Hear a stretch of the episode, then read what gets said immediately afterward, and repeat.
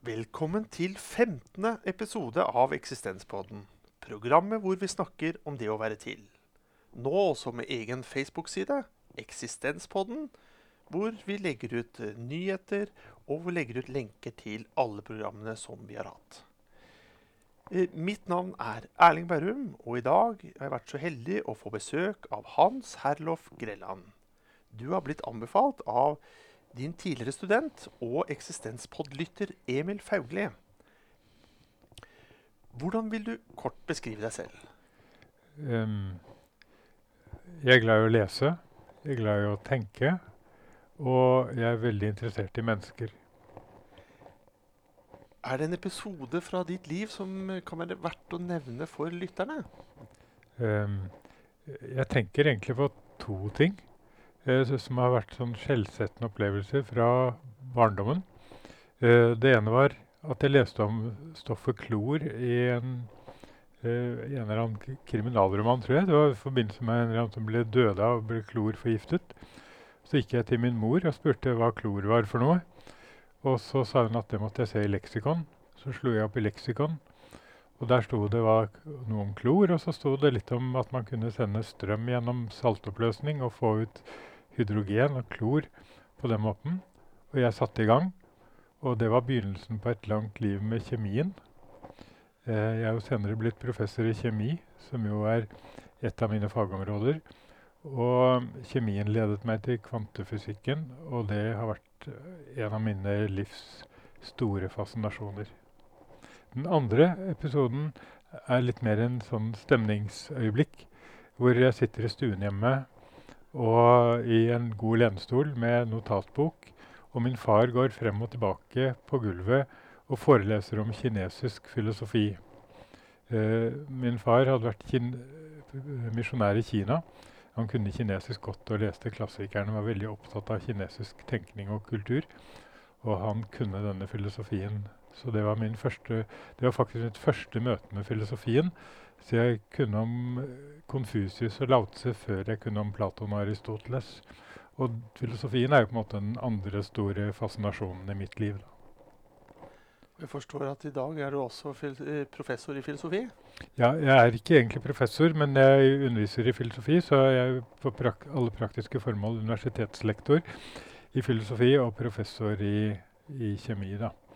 Og så, um, men eh, jeg gikk av med pensjon nå til nyttår nå, sånn at nå er jeg jo pensjonist i disse feltene. Men jeg har undervist i filosofi og i, i fysikk og matematikk og sånn i mange år.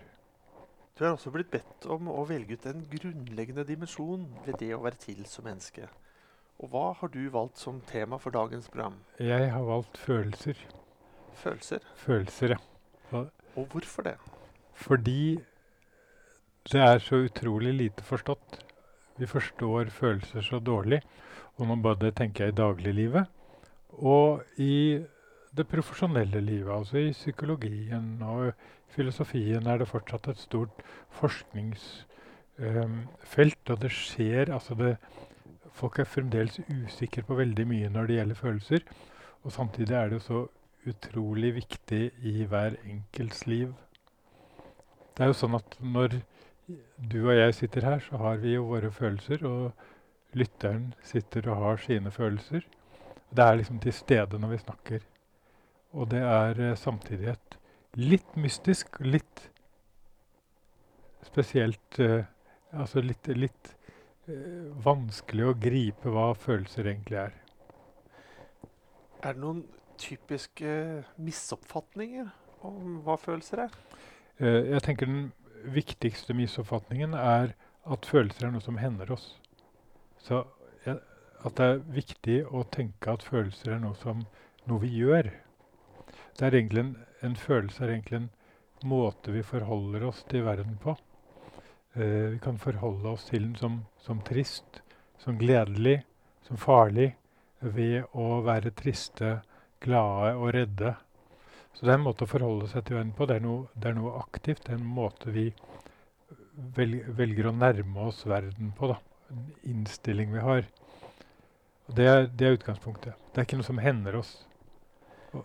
Kan vi styre følelsene våre til en viss grad? Ja, det er det store spørsmålet. Og det er jo det, det er en det, Ja, det er et stort spørsmål. Og eh, mitt svar er ja. Har du selv erfaring av å ha styrt noe? Nei, jeg Følelser? mener vi alltid styrer følelser. Altså, vi velger følelsene våre, men vi velger dem ikke med overlegg.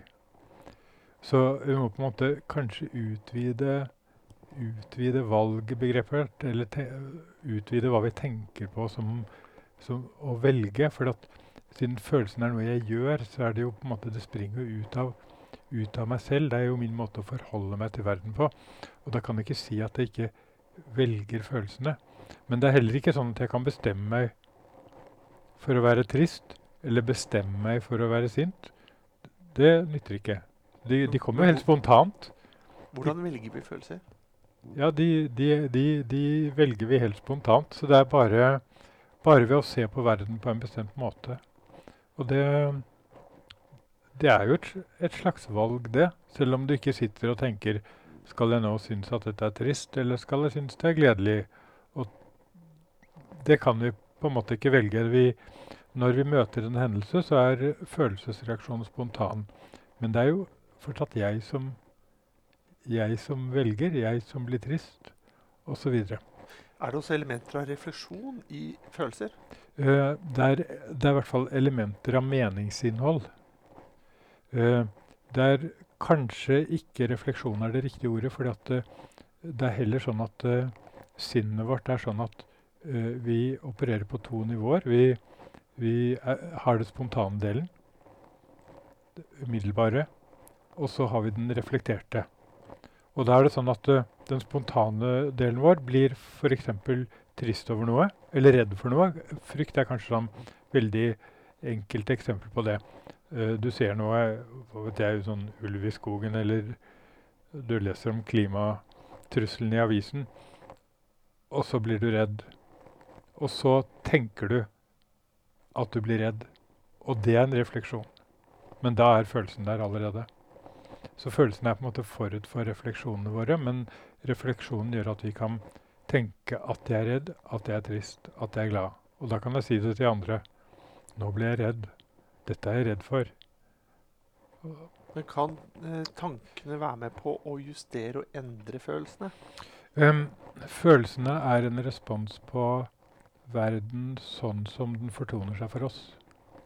Og, og verden framtrer jo for oss eh, litt i vår egen tolkning av den. Hva vi tror om den. Og det følelsene våre er jo avhengig av hva vi tror om verden. Og Derfor så kan to personer ha veldig forskjellige følelser for samme hendelse, fordi de tror forskjellig om tingenes betydning. Uh, og um, um, ja, dette med klimatrusselen, å være redd for den Vi kan jo spørre oss uh, er vi redd for den. For det er jo mye det disse ungdommene som nå er i fokus, eh, kommuniserer. At de er redde for klimaforandringene. De ikke bare sier at det er farlig eller skadelig, eller, uh, men de er redde for den. Altså de reagerer følelsesmessig. Og mange vil kanskje si at ja, jeg tror også at dette er en trussel, men jeg føler ingenting. Så og, og, noen tror jo ikke det er en trussel. Noen tror jo ikke det er menneskeskapt. Og da tror de noe annet om verden, og da har de andre følelser. Så det samme gjelder eh, så elementært som en uh, møte hunder på gaten, eller kanskje en ulv i skogen. Vi vet det, Ulv i skogen er kanskje interessant, fordi vi vet egentlig at ulver generelt ikke er farlige. Men vil vi føle det når vi står overfor den? Og hvis vi blir redde likevel, så er det fordi vi innerst inne tror den er farlig, selv om vi vet den er far ikke er farlig. Eh, når det gjelder dette med følelser som da liksom er relatert til vår eh, fortolkning og forståelse av verden, mm. eh, har du noen ganger tenkt på en forståelse, en fortolkning av verden du gjerne kunne tenkt at flere inne hadde, for at de skulle være mindre redde? eh, opplevde på en måte mindre frykt. Er det noen fortolkninger av verden som på en måte mildner eh, den type følelser? Um, det er jo sånn man trøster ofte ved å si at Ved å prøve å gi et annet bilde av hendelsen som man sørger over. Eh, og da er det jo en Det er jo en måte å nærme seg sorgen på det. Fordi eh, er tapet så stort som sorgen tilsier? For det er jo sånn at sorg handler om tap. Og intensiteten av sorgen er på en måte et slags måleinstrument for hvor stort tapet er for oss. Hvor verdifullt det er som er tapt. Og da er det ofte trøst går på sånne ting som at ja, men dette, dette vil jo skje alle, og det er noe vi må oppdage. Sånn er, dette hører livet til. Og, og, så tenker man at hvis vi ser på ting som ikke ikke enkeltepisode, men en del av en lovmessighet, så blir det ikke så trist. Og da tenker jeg det blir like trist likevel. Så jeg, jeg, er litt skeptisk mot det. Jeg vil heller si at vi skal få lov å ha følelsene. At følelsene er viktige, og at de er interessante. Og at vi skal heller spørre hva forteller de oss om vårt eget forhold til verden. Jeg tenker også litt i forhold til eh, eh, buddhister, annet. da, Som skal liksom koble seg vekk fra, fra livet og lidelsen og, ja. og ikke ha så mye følelser involvert når det gjelder det å være til. Ja. Um, hva tenker du om det? Kunne de unnet seg litt mer følelser enn de gjør? De kunne, jeg tenker om det at de kunne unne seg mer følelser, eller akseptere følelsene mer enn de gjør, ja. Så um, øh, hva, med, hva, med, dette med når man opplever uh, sorg eller eh, brudd eller andre sterke følelser? Eh, så opplever jo jeg selv, basert på min erfaring, at det også er sånn at man slåss for å få en fortelling på plass. da. For å prøve å håndtere disse følelsene. Ja. Og, skal, skal, man ikke bevege seg i retning av å prøve å håndtere eller plassere, regulere følelsene. Det, det, kan jo også være en frykt for at følelsene skal ta overhånd, tenker jeg. Ja, uh, Det er jo klart at uh, i noen situasjoner så må vi på en eller annen måte håndtere noe som blir helt uhåndterlig for oss. Det er greit. Men mitt anliggende er det motsatte. Ta vare på følelsene. Se på dem som verdifulle. Se på dem som noe som forteller noe viktig om deg selv og ditt forhold til verden. Så når du sørger, så er det jo fordi du har tapt noe som er verdifullt. Så hold den verdien frem. Tillat deg å sørge. La sorgen få rom. Spør heller hva som ligger i sorgen din. Utforsk den og utforske din egen følelse. Det, det syns jeg er en mer interessant og viktig ting å gjøre for oss enn å prøve å måte dempe den og håndtere den og få avsluttet den, på sett og vis. Slik jeg opplever deg nå, da, ja. så eh, tenker jeg litt i retning av at eh, det er ikke noe sånn enten-eller i forbindelse med følelser eller tanker her. Det handler mer om å kunne liksom leve side om side. Eh, fordi når du sier ta vare på følelsene, så må man også ha med seg en type refleksjon da, for å på en måte beskytte eller verne de og være nysgjerrig på det eller lære fra de. Da ligger det også en refleksjon til stede, men uten at refleksjonen skal gå på bekostning av følelsene. Forstår jeg deg litt da? For liksom, ja, hvordan man skal få den sameksistensen? da? Ja, det er veldig godt sagt, egentlig. Og det, det er nettopp sånn, fordi følelsene er spontane. Og da ligger på en måte følelsen der klar til å utforskes. Og da er det jo refleksjonens rolle å utforske. Det er, jo det, det er tankens rolle, så å si. For å bruke et annet ord enn refleksjon. Det, vi må tenke. Uh, og uh, det å tenke på, på, det vi har følt, uh, tenke på det vi føler, det, det er en fin ting. Da komple kompletterer vi det på en måte. Og, og det syns jeg. Altså, følelser er verdifulle. Følelser gir innsikt. Tanker og refleksjoner hjelper oss for å få tak i denne innsikten og gjøre den levende for oss. Ja, jeg syns det er en sånn positiv inngang da, til, til ja. følelser. Fordi jeg har også opplevd liksom, situasjonen med, med liksom, sorg og brudd og sånn. Og, og, det på en måte å kanskje, som du sier, ta vare på følelsene og la følelsene få liksom, eh, ha sitt eget liv. Uten at man trenger å liksom, sette det inn i noen fortelling eller sammenheng eller forstå de, men la de utfolde seg. Det er jo en positiv eh, tilnærming til følelser, da. Og det kan jo liksom selv gjøre kanskje et, eh, et brudd, eh, et kjærlighetsbrudd f.eks., kan også da også ha noe positivt ved seg. Det er jo en viktig hendelse, det også. Og, og det at du sørger, det er jo et kjærlighetsuttrykk i seg selv i den situasjonen som man da er kommet i. Og det, det kjærlighetsuttrykket skal også få lov å være der, da. Og det skal man ikke se på som et problem, man skal ikke se på det som en sykdom. Fremfor alt ikke se på det som en sykdom. Man skal se på det som en, en naturlig og riktig ting å føle. Hvis vi beveger oss litt på et litt annet område, jeg tenker litt sånn på det med følelser og følelsers varighet. Du, er det sånn at vi kan ha flere på en måte følelser samtidig av ulik varighet? At du har noen underliggende følelser som er nesten som sånn grunntoner i, i hvordan vi har det i en periode av vårt liv? Og så kan vi ha mer sånne flyktige følelser som mer kommer og går. Ja, det tror jeg helt bestemt. Og, og det er i hvert fall sikkert at vi kan ha flere følelser samtidig. Og også overraskende. F.eks.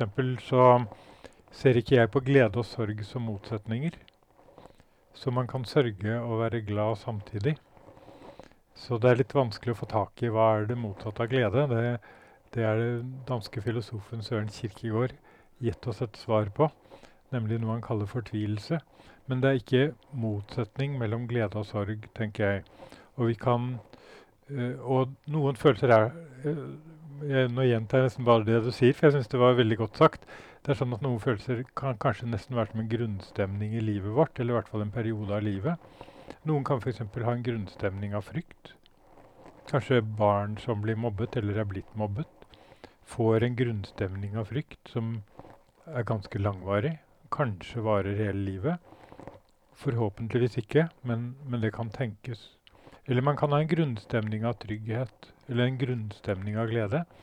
Og selv om man har en grunnstemning av glede, så vil man av og til være fortvilet og sint og forbitret og alt det som i og for seg ikke stemmer med gleden, men som kan være kortvarig og forbigående. Og så er grunnstemningen der som noe mer lang, langvarig. ja. Er det slik at uh, noen av de grunnstemningene eller dypere følelsene i oss, at de uh, setter seg i ung alder? Og at de nesten har liksom en sånn forrang da, for, sammenlignet med følelser man utvikler mye senere i livet? Um, det er nok sannsynligvis sånn at hvis vi snakker om disse grunnstemningene, at de som kommer tidlig, har en tendens til å være langvarige men jeg har liksom ikke lyst til å si det jeg sier nå. Eller jeg har ikke lyst til å si det jeg sa nå. Fordi um, vi har en evne til å forandre oss. Vi har en evne til å ta nye valg her i livet. Til å fornye oss og se ting på en annen måte. Og det er en så viktig ting at vi ikke må tenke om oss selv at ja, nå er jeg blitt sånn, da. Så da er det sånn jeg er. Og um, f.eks. et barn som er blitt mobbet og har fått frykten som en sånn grunnstemning, bør jo få troen, og det er en realistisk tro, på at det kan bli annerledes. Den grunnstemningen kan forsvinne fra livet ditt og kan erstattes med en grunnstemning av trygghet og glede. Det er, det er jo veldig viktig å holde fast ved i noen tilfeller, og det er reelt. Altså vi kan, Og det kan gå den motsatte veien nå, selvfølgelig. Du hva det hvis du tenker på endring, da, er at noen ganger så mange endrer seg, i hvert fall sånn i sin fortolkning, eh, forståelse, i sitt intellekt. Men mm. de endrer seg ikke emosjonelt. Kan det da kanskje være en grunn til at det ikke blir så mye av ja. den endringen de søker og er ute etter? At hvis vi skal få til en reell endring, så må vi ha med oss følelsene. Ja, fordi følelsene er en indikator på om vi virkelig har endret oss. Så når følelsene fortsetter å være som før, så er det tegn på at en, det ikke har funnet sted en eh, hva skal vi si, kan kalle det en eksistensiell endring. Da, en, sånn, en, en mer grunnleggende endring ved oss. Altså, selvfølgelig kan vi jo endre overfladiske vaner og sånn uten å forandre oss så mye, men, men vi, når vi nå snakker om forandring her, så er det sånn som vil vise seg i følelseslivet. Mm. Jeg har noen ganger tenkt på min kropp og min sjel og min tanke nesten mer som eh, en bil eh, med instrumenter og utstyr. Men så har jeg tenkt på følelser som bensin. At hvis jeg ikke har eh, følelsene der, så får jeg ikke noe bevegelse. Eh, Tenker du at du, følelser er noe av det som driver oss fremover, eller som gjør at vi står på stedet hvil? Mm. Eh, føl en følelse er et uttrykk for verdier. Eh, jeg nevnte det med sorg. ikke sant? At eh, det, du sørger over noe som er tapt, fordi det som er tapt, er verdifullt for deg. Enten det er et menneske eller ei eller en ting eller en situasjon eller en jobb eller hva det er vi har tapt som vi sørger over, så er det verdien som ligger bak. Og det er et eksempel på noe veldig viktig ved følelsene. Det er et uttrykk for verdiene våre. Og da snakker jeg om de personlige, individuelle verdiene som hver av oss har. Og det er jo de verdiene som er bensinen, eller som driver oss til å gjøre ting. Og Derfor så er det en veldig tett sammenheng mellom følelsene og verdiene. Men det er, det er ikke egentlig følelsene som driver oss, hvis du skjønner. Det er verdiene som driver oss, men følelsene uttrykker verdiene. Jeg forstår. Så det er en, det er en struktur her. Så det er liksom mm, det, Kan, eh, kan noen ha gjennom oppvekst da, eh, mangle verdier da, som kanskje skaper en, en, en type sorgstemning som i neste omgang gjør at de ikke liksom klarer å komme seg videre senere i livet? Har du en sorgstemning, så mangler du ikke verdier. En sorg er altså selv et verdiuttrykk. Så um, Det er jo sånn at følelser Altså, følelser er i utgangspunktet en måte å forholde seg til verden på. Men så er det sånn at følelsen på en måte også maler verden med en bestemt farge. Så vi, vi er på en måte medskapere av den verden vi selv lever i ved å sørge over ting, bli sinte for ting, glede oss over ting og sånn, så, så gir vi verden en farve. Og det som da først og fremst gjør verden grå og lite motiverende for oss, det er jo da at vi ikke våger å kjenne våre egne følelser. For det er jo noe vi lærer tidlig, dessverre. Eh, vi, vi, jo, vi er jo født som følelsesvesener, og vi utvikler følelseslivet vårt gjennom barndommen. Og så kommer vi til et punkt hvor vi oppdager at Oi, nå må jeg være forsiktig. Eh, jeg kan ikke gråte i skolegården. I hvert fall gutter har den opplevelsen. I det hele tatt Gutter er under kanskje spesielt press når det gjelder å ikke uttrykke følelser. Vi skal ikke være svake. Vi skal ikke være, vise svakhet. Vi skal ikke være små og ynkelige. Vi skal være sterke og tøffe. Og dermed er det mange følelser vi ikke kan tillate oss å vise. Og etter hvert så betyr det at vi også ikke kjenner dem så lett, selv om vi har dem. Og når vi ikke kjenner følelsene, og ikke følelsene får uttrykke seg, så mister verden litt av den fargen som følelsen uttrykker. Og da, da, da, da blir det sånn som du antyder, at uh, vi mister motivasjonen for å gjøre ting. Vi mister en drivkraft, da. Så da kanskje ja, ikke, ikke det brennstoffmetaforen var så dårlig allikevel. Nei, for jeg tenker litt på Mm. noen venner og bekjente som jeg har erfart også eh, opplever at de ikke kommer seg videre. Mm. De blir apatiske eh, og, og klarer ikke på en måte bryte ut da, av den apatien som de er i. Men, eh, men der kunne kanskje, som du sier, at man tenker litt mer på å jobbe med egne følelser, kunne kanskje ha vært én vei videre, da, lite grann. Mm. Fordi mm, Ja, jeg, det er akkurat som noen, noen mennesker jeg har møtt som på en måte som sitter fast da, i livet. De, de får ikke endret seg. De får ikke disse nye emosjonene eller eh, eh, nye perspektiver på seg selv og, og den utviklingen de kanskje ønsker. For de sitter fast. Og så prøver jeg bare liksom da gjennom det vi snakker om nå, å forstå kanskje følelser inn i det. da. At de kanskje har noen sånn uavklarte følelser, eller det er et eller annet de ikke klarer å ta grep i. Hva tenker du om det? Jeg tenker at uh, apati nettopp er ikke egentlig mangel på følelser, men mangel på følelsesutfoldelse eller følelsesuttrykk. Og det er, det er en paradoks med følelsen at vi har følelser, men vi må også uttrykke dem. Og vi er naturlig utstyrt med et kropps, med, altså kroppen vår er et naturlig instrument for å uttrykke følelser.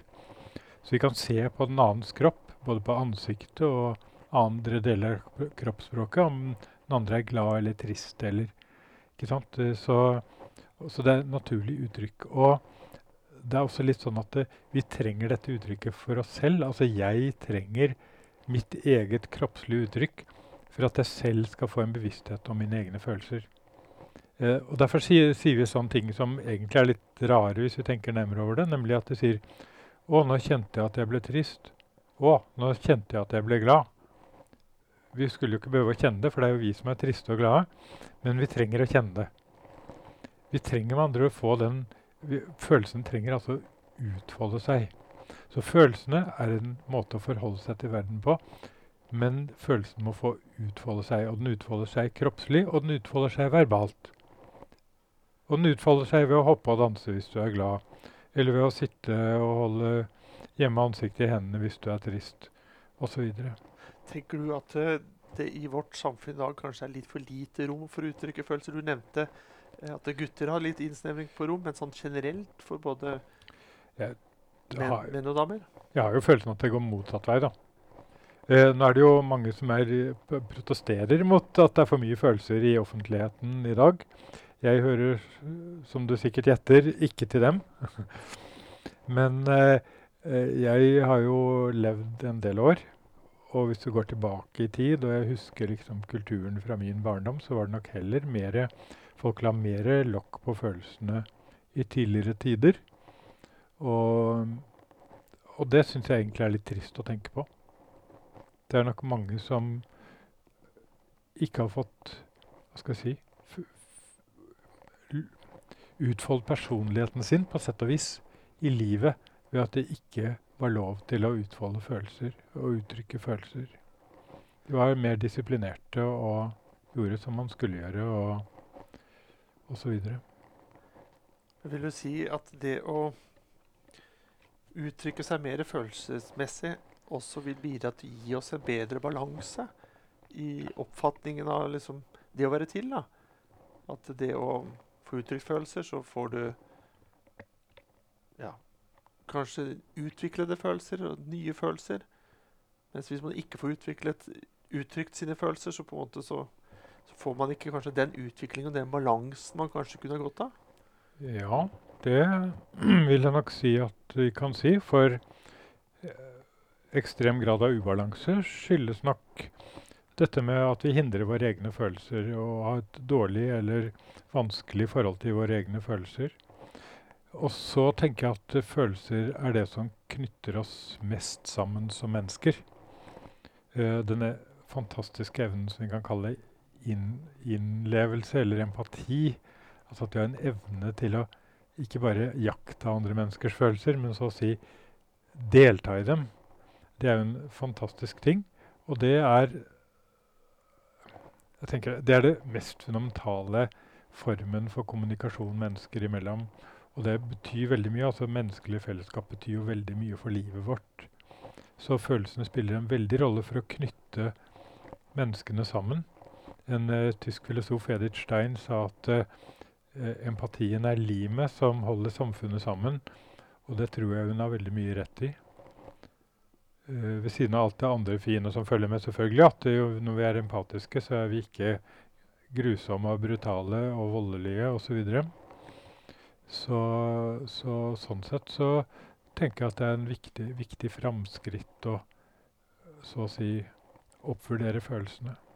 Er det lettere å bli glad i en som uttrykker følelsene sine, enn en som ikke uttrykker følelsene sine? Det er litt retorisk, da, men Ja, det er jo det. Og det, svaret er jo i og for seg ja. Men det betyr jo ikke at de som ikke uttrykker følelsene, ikke er like for å bruke ordet på en uvant måte elskverdige. Altså det som, de er like, de, de, Man kan ha myke, like mye glede av å elske dem, men veien inn er lenger. Det er jo det. Og, det, og, det, og da kan man ofte stoppe pga. motstand. Men vi trenger så. ikke å være så redd for å uttrykke følelsene våre. Jeg syns ikke det. Da nærmer vi oss slutten av uh, dette programmet. Og avslutningsvis så pleier jeg å spørre om noen tips. Og i og med at vi har snakket om viktigheten og kanskje verdien av å uttrykke egne følelser, så lurte jeg på om du hadde noen tips eller råd for uh, hva lytterne som ønsker å kanskje bli flinkere til å uttrykke seg følelsesmessig, hvordan skal de få til det? Um, det er sånn at vi, vi, skjønner våre egne følelser bedre når vi lærer andres følelser å kjenne. Og da tenker jeg at en måte å lære andre menneskers følelser Så å si trene oss i å forstå andre menneskers følelser, det er å lese romaner. Fordi romaner slipper oss tettere inn på de menneskene som det handler om, enn vi ofte opplever i vårt daglige liv. Så les skjønnlitteratur. Les romaner og noveller. Det er eh, tipset når det gjelder å utvikle følelseslivet. Og det er et utviklingspotensial for oss alle der. Hva med i samhandlingen med sine nærmeste? Ja, der òg. Og det, her handler det ofte da om å akseptere følelser. Og være kanskje litt mer romslig og tolerant når det gjelder følelsesuttrykk. Jeg tenker litt på rangeringen mellom tanker og følelser. Så har jo noen ganger på en måte fornuft og rasjonalitet tronet litt over følelsesmessig, som har blitt sett på som litt mer uferdig og ubehandlet. Mm. Men uh, er det riktig av meg å forstå det slik at vi må løfte opp følelsenes uh, rang på lik linje med rasjonaliteten? Ja, det er sånn. Tenker, men nå tenker jeg jo at følelser på sett og vis har en rasjonalitet. De er bærere av en rasjonalitet. Jeg liker ikke å kalle følelser for irrasjonelle. Det er, det er et meningsfullt uttrykk. For noe av det har et meningsinnhold, og de sier noe sant om den som har følelsene. Ikke nødvendigvis noe sant om den verden. Man, har, det, man, kan ofte ha følelser fordi man har misforstått ting, men de sier noe sant om det mennesket som har følelsene. Så det er jo en type rasjonalitet i følelsene. Så ja, oppvurdere følelser i forhold til tanke, og jeg er jo selv realist. og jeg syns det er morsomt å si at uh, jeg tror ikke noen matematikere ville drevet med matematikk hvis det ikke var for gleden ved å drive, med matematikk, f.eks. Da takker jeg deg eh, for en god samtale. Og så takker jeg også til uh, lytterne for å ha slått følge med oss denne halvtimen. Vi høres igjen, og inntil da, ha det bedre enn bra.